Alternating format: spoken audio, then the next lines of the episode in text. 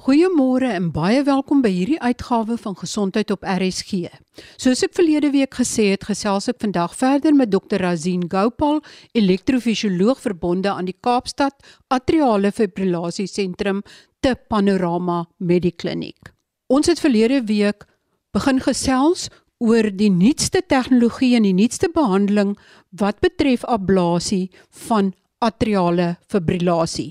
Atriale fibrillasie is die algemeenste hartritme defek wat by mense bo 60 voorkom. 20 jaar gelede is dit bloot met medikasie behandel, maar groot vooruitgang is gemaak in die behandeling van atriale fibrillasie betreffende ablasieterapie. En voorts is daar nog groter spronge gemaak betreffende ablasieterapie.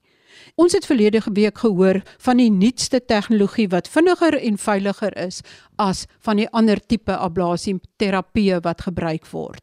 Vandag kan julle luister na enkele uittreksels uit verlede week se gesprek vir konteks en dan kyk ons na die gebruik van antistolmiddels. Daar is 'n paar dinge wat vir my uitstaande is wat betref die nuwe tegnologie wat ons noem elektroporasie.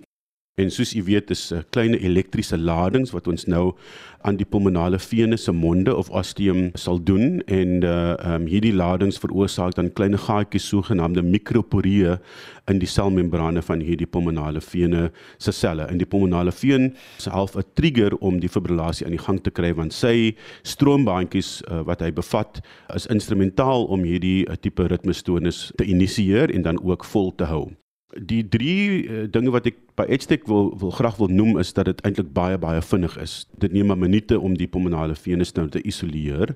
So die tyd wat ons nou in die linker atrium gespandeer is is um, as gevolg baie minder wat beteken dat die pasiënt alreeds op grond daarvan 'n baie veilige prosedure sal hê.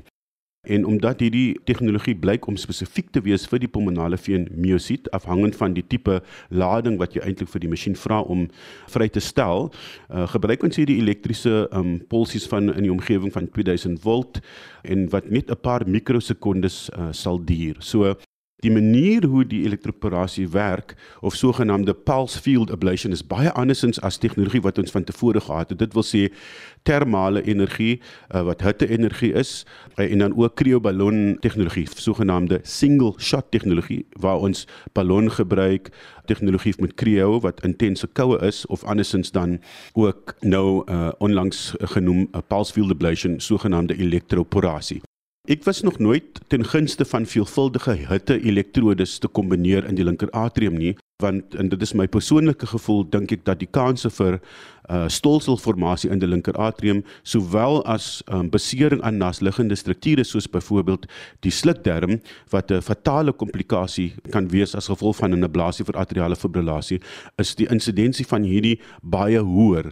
Uh hierdie word ondersteun my gevoel deur die onlangste inligting vanaf die Europese Hartritme Assosiasie wat verlede week 2023 uh, in April maand hulle nuutste inligting via ablasie tegnologies vrygestel het. En uh, dit is weer karblyklik die gev die geval dat hoe meer ons hitte energie gesou gebruik, dit wil sê radiofrekwensie, radiofrekwensie, kauterisasie in die linker atrium of dit nou as 'n puntkateter sou wees op of selfs as hierdie elektrodetjies op 'n ballon eintlik half gemount is tot in die pulmonale venus, dink ek dat die kanse vir besering aan nasliggende strukture sowel as die slukdarm baie hoër is. Hierdie studie bewys dan weer eens dat uh, die single shot tegnologie soos krioballon ablasie, dit is intense koue en nou ook natuurlik 'n uh, pulse field ablation wat ek baie opgewonde is oor. Uh, blyk dat dit heel waarskynlik een van die veiligigste maniere gaan wees om dit te behandel. So my vraag is dan As hierdie veilige tegnologie dan beskikbaar is, krioablon ablasie, sowel as pulse field tegnologie, sogenaamde elektroporasie, hoekom is dit dan nog nodig om vir ons om hitte toe te dien in die linker atrium? So hierdie sal natuurlik wees vir pasiënte wat vir die eerste keer presenteer, of hulle persisterende of paroksismale, dit wil sê intermitterende atriale fibrillasie sou hê. So ek nog steeds baie baie baie sterk aanbeveel dat die prosedure gedoen moet word met 'n sogenaamde single shot tegnologie. Maar dit is my persoonlike gevoel. Die krioablasie self is nou ook 'n gevestigde tegnologie en ook een van die algemeenste maniere hoe pulmonale venus uh, wêreldwyd geïsoleer word. Dit wil sê die dit is die hoeksteen, die pulmonale veneablasie om atriale fibrillasie stil te kry. Uh, Veral in pasiënte wat nou presenteer vir die eerste keer vir 'n prosedure sogenaamde new do's. Uh, as ons pasiënte het wat veelvuldige prosedures benodig, sogenaamde redos, dan sal ek natuurlik in daai gevalle definitief ook radiofrekwensie of hitteterapie sal wil gebruik, maar dan dan is dit 'n tweede of 'n derde linie van behandeling. En so ek voel dat die pasiënte nie blootgestel moet word aan enige tegnologie waar daar veilige tegnologie alreeds teenwoordig is nie. So as ons noem byvoorbeeld die voorbeeld van hitte-elektrodes, sogenaamde multiple radio frequency elektrodes, is die algemene gevoel dat die kanse vir stolselformasie en sowel as beseer aan nasliggende strukture hoër is En alhoewel die die insidensie in hierdie studie, die sogenaamde Potter AF studie wat nou verlede week gepubliseer is, wys 'n lae insidensie van tussen 0,025%, is dit nog steeds belangrik dat die groot hoeveelheid van hierdie fatale en potensiële noodlottige komplikasie is uitgevoer deur hitte elektrodes. Dit is die belangrikste, die radiofrekwensie. Die insidensie met enige ander tegnologie is weglaatbaar klein sou ek sê. Uh, maar ek is oor die algemeen gekant teen hierdie tipe tegnologieë en ek dink veral nou met die ondervinding wat ons nou met elektroporasie, sogenaamde pulse field ablation meer gedeel het nou dink ek is baie baie baie opgewonde omdat ek dink dit is nou 'n omwenteling revolusionêr in terme van ablasie tegnologie in terme van uh, vorentoe gaan. So dit is eintlik wat betref die nuutste elektroporasie vinniger, veiliger. Dit blyk vir my dit gaan heel waarskynlik die manier wees um, wat ons mee sou vorentoe gaan wat ablasieterapie betref. Ek, ek dink die eerste ding wat ek opgelet het na hierdie prosedures is die totale afwesigheid van enige borskas ongemak na die prosedure. Jy weet dit is eintlik wonderlik om om hierdie aan die pasiënte te kan meedeel en ek kan sien hoeveel byvoorbeeld pynverligting pasiënte sou benodig na die tyd en ek het nog nie 'n enkele pasiënt in hierdie reeks gesien wat enige pynverligting benodig het na die tyd nie. So ek is eintlik amper half um, verbuister deur die respons en ek dink dit is net om klem te lê op die spesifisiteit van die manier hoe hierdie energie eintlik aan die hart dan oorgedra word. So ek dink dit is wonderlik dat pasiënte ook simptomatiese goeie ondervinding kry van hierdie prosedure. Ehm um, jy weet ons is behep oor ons veiligheid van pasiënte. Jy weet ons het 'n uitstekende veiligheidsrekord wat vorentoe gaan. Ek het nog nie 'n uh, beroerte gesien of 'n atriale esophageale fistule nog nooit enige van hierdie komplikasies nie of pulmonale venstenose nie. En ek dink die hoofrede is omdat ons baie baie ehm um, huiwerig is om uh hitte of of radiofrekwensie uh, ablasie te gebruik veral uh, pasiënte wat vir die eerste keer presenteer. Soos ek noem ons gebruik dit wel en as ek wel 'n uh, sogenaamde linear ablation moet doen of uh, jy weet ander tipe posterior wand van die hart uh, linker atrium ablasie posterior wall ablation dan sal ek moet hitte frekwensie. Dis die enigste iets wat ons nou het wat beskikbaar is. En my gevoel is dat as ek dieselfde effek kan kry met 'n tegnologie wat veiliger is, hoekom is dit nie wat ek vir aan die pasiënt aanbeveel nie? Daar's veelvuldige omkeerbare oorsake wat ook na moet gekyk word. As die pasiënt skildklier siekte het, is daar onderliggende hartspierbesering soos 'n kardiomiopatie, het die pasiënt reumatiek koors gehad in die verlede, is daar hipertensie, is daar vetsigtigheid, is daar slaapapnee en ook natuurlik die misbruik van alkohol. Al algemene oorsake wat heel waarskynlik ook omkeerbaar kan wees en baie uh, hulpvol kan wees om dit te settle. As die omkeerbare oorsake se behandeling alreeds toegedien is, dan dink ek dit is dit belangrik veral as die pasiënt simptomaties is. Dit wil sê hulle is bewus van die hartklopings en so voort of andersins as daar alreeds uh, afwyking is in die struktuur van die hart. Dit wil sê dat die hart se funksie sal besig om om af te neem.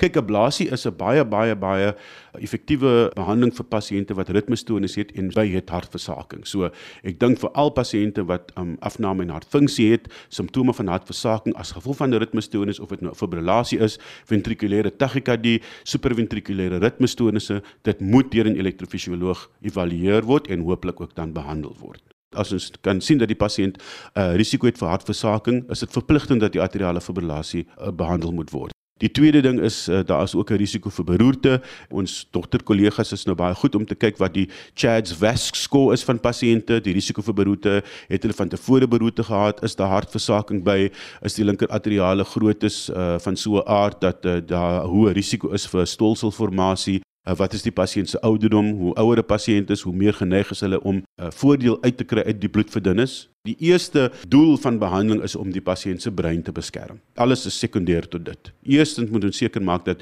in pasiënte waar bloedverdunning benodig is, dat dit wel uh, verkry word en ten minste vir die pasiënt uh, voorgeskryf word. Dit is ontsettend belangrik. En die res natuurlik in terme van hartversaking, pasiënte se simptomaties en kwaliteit van lewe, ook daar is 'n baie sterk assosiasie tussen demensie en uh, veranderinge in kognisie in pasiënte met langstaande uh, fibrillasie.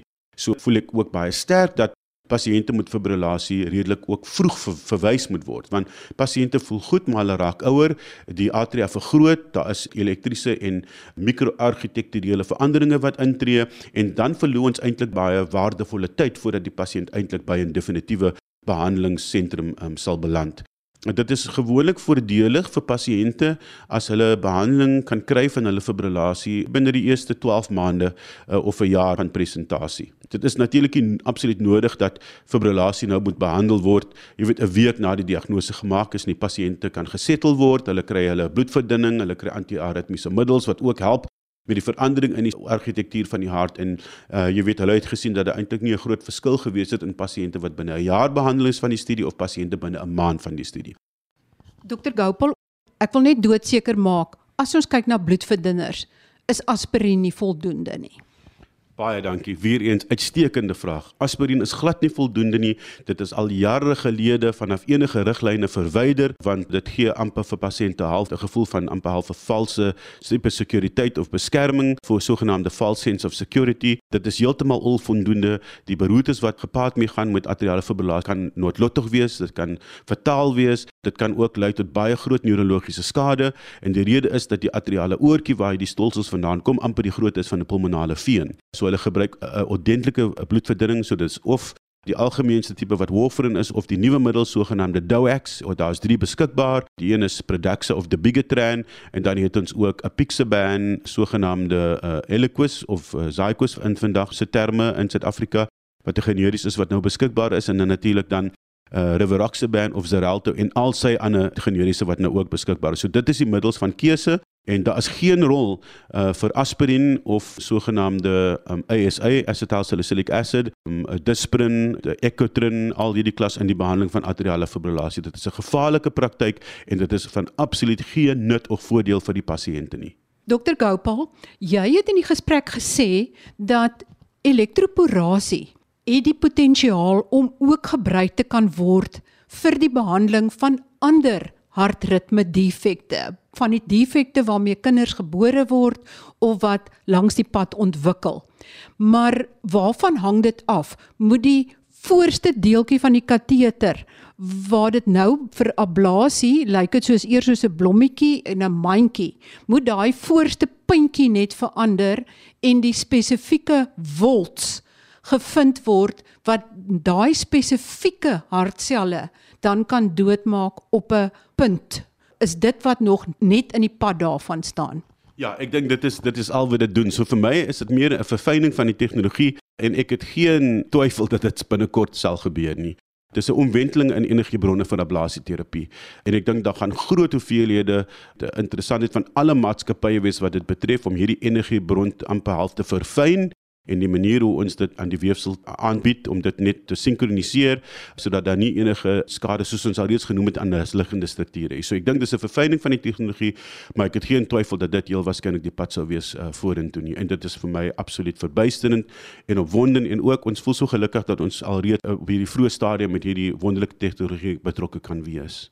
Dr Gopal, as jy 'n finale huistoeneem boodskap wil gee oor atriale fibrillasie en oor die nuwe tegnologie, wat sal dit wees? My boodskap sal wees uh, dat atriale uh, fibrillasie ten minste die besluit op 'n blasie moet gedoen word ook met die insette van 'n elektrofisioloog of die pasiënt ene sien of nie maar ten minste net 'n opinie sou kry. Uh, dis nommer 1, nommer 2 dat behandelbare uh, en omkeerbare oorsake van fibrillasie uh, baie hoog is op die lys van uh, behandelings en modaliteite het. So dis net so vir my net so belangrik uh, as 'n ablasie vir pasiënte om nie alkohol te misbruik nie, om gewig te verloor, om hulle slaapapnee te laat behandel, om hulle bloeddruk. Goed, vir my is dit alles deel van dieselfde behandeling van die siekte. Jy kan nie net 'n ablasie doen en nie die, die anders wat ek ek al reeds genoem het nie.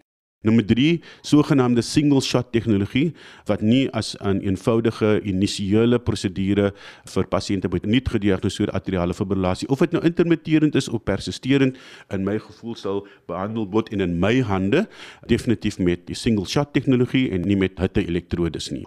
Ek voel daar's 'n goeie rede hoekom hierdie tegnologie nie meer teenwoordig is nie. En uh, dit is nie iets wat ons graag sterk oor gevoel het nie en ek is baie bly nou oor hierdie afgelope dekade en 'n half dat ons dit by ons uh, prinsipe behou in terme van tegnologie wat dit betref kan dalk meer gevaarlik wees in die linker atrium. En dan ek dink ek dat uh, om vorentoe te kyk, dit lyk baie baie belovend die uh, elektroporasie en pulse field ablation. En nou jy sal maar net vir u soos gewoonlik moet opdateer jy weet want dit is so 'n dinamiese veld wat ons hier in betrokke is. En daar's veranderinge wat amper elke week of maand sou intree. Maar eh, soos wat my persoonlike gevoel is dis baie belovend. Die tegnologie gaan verfyn word. Ek dink hierdie gaan die energiebron van die toekoms wees. Ek het baie min twyfel wat dit betref En uh, ja, met opgewondenheid deel ek weer graag mee met al die luisteraars van die uitstekende program. En nogmaals dankie weer vir die uitnodiging. Uh, ek is altyd baie baie dankbaar uh, vir die geleentheid ten minste om vir almal op te dateer wat ablasieterapie betref in Suid-Afrika tans. Ek gesels nou verder met Dr. Razin Gopal, elektrofisioloog verbonde aan die Kaapstad Atriale Fibrillasie Sentrum, en hy gaan nou meer vertel oor hoe dokters besluit watter pasiënte op watter tipe antistolmiddel moet gaan. En soos hy gesê het Disprin en Ecotrin en soortgelyke middels is werklik nie voldoende om die risiko vir beroerte in mense met atriale fibrillasie te verlaag nie. En ook nie in die algemeen om die risiko vir beroerte te verlaag wat ook al die pasiënt makkeer nie Hy verduidelik dan ook presies wat hierdie chat was skoor is en jy kan by die huis hierdie letters gaan neerskryf en jou eie puntetelling toeken en sommer dan self kyk of jy dalk val in die groep van mense wat 'n risiko vir beroerte het. Wat die bloedverdunner middels is daar 4 wat wat op die mark is waarvan 3 in Suid-Afrika beskikbaar is en die 4de nie.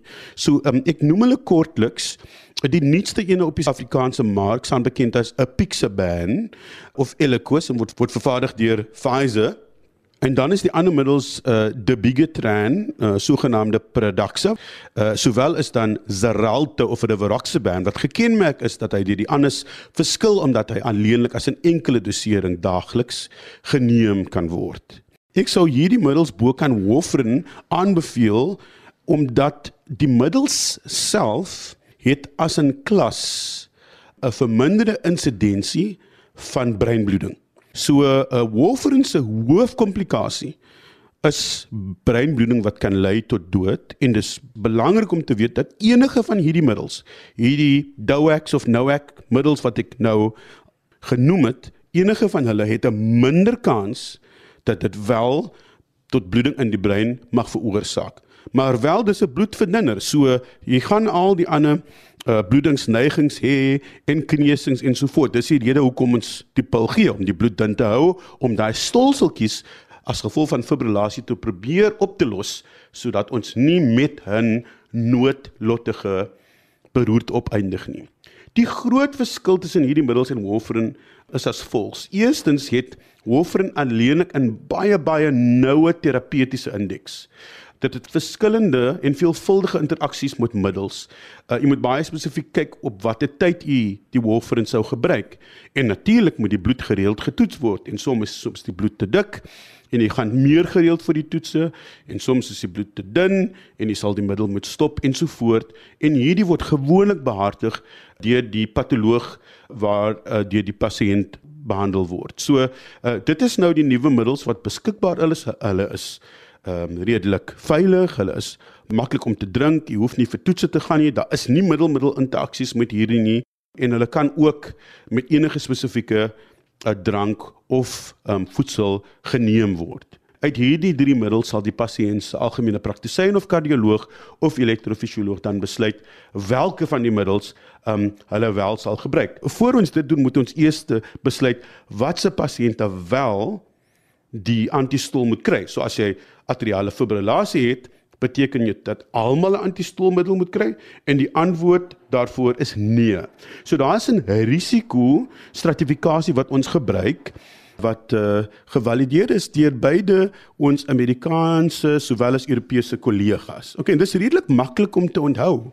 So uh die term wat ons vandag gebruik of die akroniem staan bekend as CHADS VASC score, sogenaamde CHADS VASC score. En intussen het dit ook 'n paar syfers, so dis eintlik uh C H A uh en dan die syfer 2 DS, die syfer 2 en dan VASC as in vascular met 'n klein c aan die einde score. So CHADS VASC score. Kom ek sê gou wat elke ene van daardie letters beteken. Die een uh eerste letter C is kongestiewe hartversaking en dit gee vir ons 1 punt.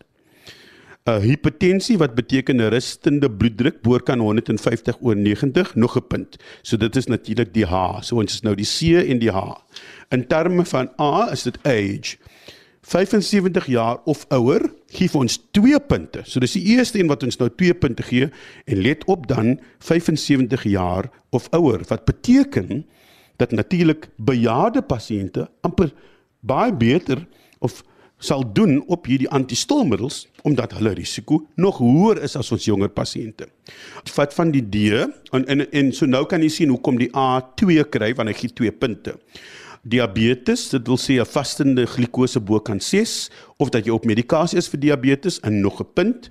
Enige iemand wat van tevore 'n beroerte gehad het, hoe klein, hoe groot, dit maak nie saak nie, enige stolsel wat na die long toe gegaan het of na die been of els in die liggaam of 'n pasiënt wat natuurlik 'n beroerte gehad het, weer eens 2 punte. So dis hoekom daai S vir ons 2 punte gee. En dan is daar nog 'n kategorie vir ouderdom.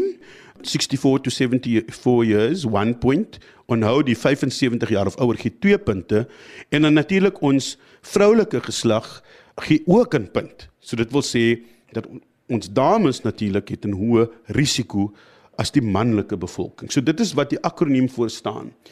En as jy nou al daai punte byvoeg, gaan nou gaan ons daarop besluit moet hierdie pasiënt antistol kry of nie.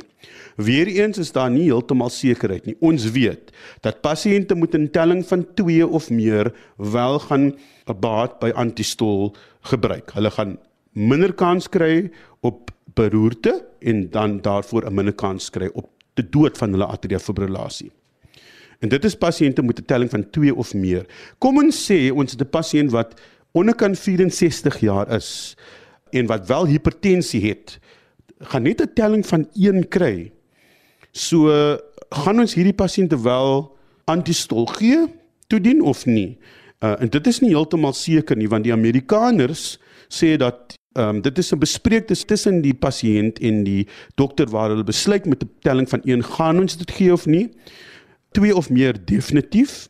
Maar die Europese data, hulle voel dat selfs hierdie telling van 1 is genoegsame risiko om wel antistol te gee. So so in in Europa sal hulle met 'n telling van 1 of meer wel vir gee en u gaan dan natuurlik enige van hierdie middels kry. Ek moet wel noem omdat daar 'n spesifieke melding gemaak is daarvan dat in pasiënte wat wel probleme het met bloeding en veral bloeding vanaf die gastro-intestinale traktus, dit wil sê 'n maagbloeding of 'n uh laer gastro-intestinale bloeding soos byvoorbeeld vanaf die darm, um, is die middel apixaban of Eliquis eintlik die ene van keuse. So as as u daai geskiedenis het, kan ek wel daai spesifieke middel uh aanbeveel.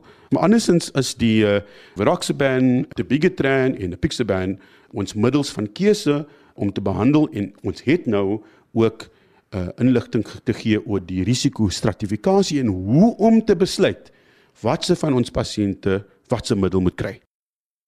Dokter Gopal, as mens dit kan opsom, watse persentasie van mense bo 60 of 65 gaan atriale fibrillasie ontwikkel? Dis die eerste punt. Volgens die ehm um, die literatuur wat ons het en die beskikbare data is dit moontlik dat dalk 1 uit elke 8 mense in die wêreld gaan begin fibrillasie ontwikkel oor die volgende 10 of 20 jaar. Dit is baie algemeen. Nou het baie mense atriale fibrillasie, maar dit nog nie eintlik simptome nie, maar mens kan kyk na hierdie CHAD-VASc skoor om te kyk moet die een dalk antistolmiddels. Nou gestel ek ry nou die antistolmiddel, sê maar nou ek ry in 'n motor en ek is in 'n motorongeluk, het ek dan 'n groter kans om bloeding te ontwikkel wat nie maklik beheer kan word nie. Is daar op daai manier groot risiko's verbonde aan hierdie middels of nie? Um, ek dink dit is belangrik is om te noem dat u gaan daardie risiko het of u nou warfarin gebruik of u wel van die nuwere middels gebruik. Hulle is almal potente bloedverdunners. U gaan 'n ontsettend hoër risiko hê vir bloeding vanaf enige ongeluk of uh, sou ek sê erge trauma. Dit is een van die nadele van om op 'n 'n bloedverdunner te wees. En so ongelukkig kan ons nie sê wanneer die beroerte gaan kom nie. Anders is sal ons verkieslik wou jy vir pasiënte nie al die tyd op 'n bloedverdunner hê nie. Maar dit is ongelukkig dat dit nou nou so werk. Die pasiënte moet wel op hulle bloedverdunners kom om die beroerte te te kan voorkom uh of verhoed. Okay, so net belangrik om te weet dat deesdae ons ook omkeer het middels het vir die nuwere orale antistolmiddels. Die behandeling van sulke pasiënte moet moet in bloedingsepisode uh, vergemaklik in die sin dat ons hierdie omkeermiddels het wat die middels onmiddellik kan neutraliseer. Dokter, dan wil ek ook net weer terugkom na warfarin toe. Jy het gesê dit moet binne 'n baie nou band moet die uh vlakke die heeltyd hanteer word. Gestel dit is 'n pasiënt wat inkom, sy is ouer as 75, sy het 'n klepprobleem en sy is op warfarin sy gaan eintlik goed aan maar toe ontwikkel sy 'n neusbloeding en die warfarin word verminder. Die pasiënt wat inkom met 'n neusbloeding presenteer met 'n uh, episode van bloeding wat ek nie as lewensbedreiging sou beskou nie. Not by any stretch of the imagination. Uh en so om vir so 'n pasiënt aan hulle bloedverdunners te peter mag baie baie gevaarlik wees. Uh soms uh, word die pasiënte se warfarin gestop en uh sogenaamde bridging of oorbruggingsterapie met byvoorbeeld in lae molekulêre gewig uh heparin uh, toegedien sou word. Maar ek dink as 'n buitepasiënt moet 'n mens baie versigtig wees om aan pasiënte veral as hulle baie stabiele ENRs het om aan die medikasie te peter want as gevolg van hierdie baie noue terapeutiese indeks beteken dit dat onderkant 2 'n ENR of 'n internationalized ratio. Onderkant 2 beteken daar's risiko vir beroerte en natuurlik 'n ENR bokant 3 beteken beteken daar's risiko vir bloeding. So as gevolg van hierdie noue terapeutiese indeks beteken dit dat warfarin nie 'n maklike medikasie is om te neem nie, maar definitief uh, sal daar bespreking wees in terme van kollaborasie en gesprek tussen die behandelende dokters van so 'n pasiënt want um, niemand gaan net antistol uh, lukraak stop sonder dat ons 'n baie baie baie goeie rede daarvoor is nie want dit daar is lank gedink voor die tyd om die pasiënt op die antistolmiddel eintlik te plaas vir watse rede hulle daarop is. Soms is die middels ook byvoorbeeld in en om chirurgie per die prosedurale veranderings eh, of modifikasies word aangebring en hierdie mag ook uh, ontsettend dodelik of gevaarlik wees vir die pasiënt. Ons moet baie baie versigtig wees en ons moet 'n uitstekende rede hê. En die rede is gewoonlik iemand wat noodchirurgie sou benodig of andersins uh, konstante of aanlopende bloedverlies uh, sou ondergaan of andersins 'n brein 'n breinbloeding. Daar daar is maar eintlik nie veel ander redes om aan uh pasiënte uh, se bloedverdunning te gaan karring nie. Baie dankie aan my gas vandag, Dr. Razin Gopal, elektrofisioloog verbonde aan die Kaapstad Atriale Fibrillasie Sentrum geleë te Panorama Medikliniek. Tot volgende week dan, wanneer ons weer oor gesondheidsake gesels. Baie groete van my, Marie Hudson.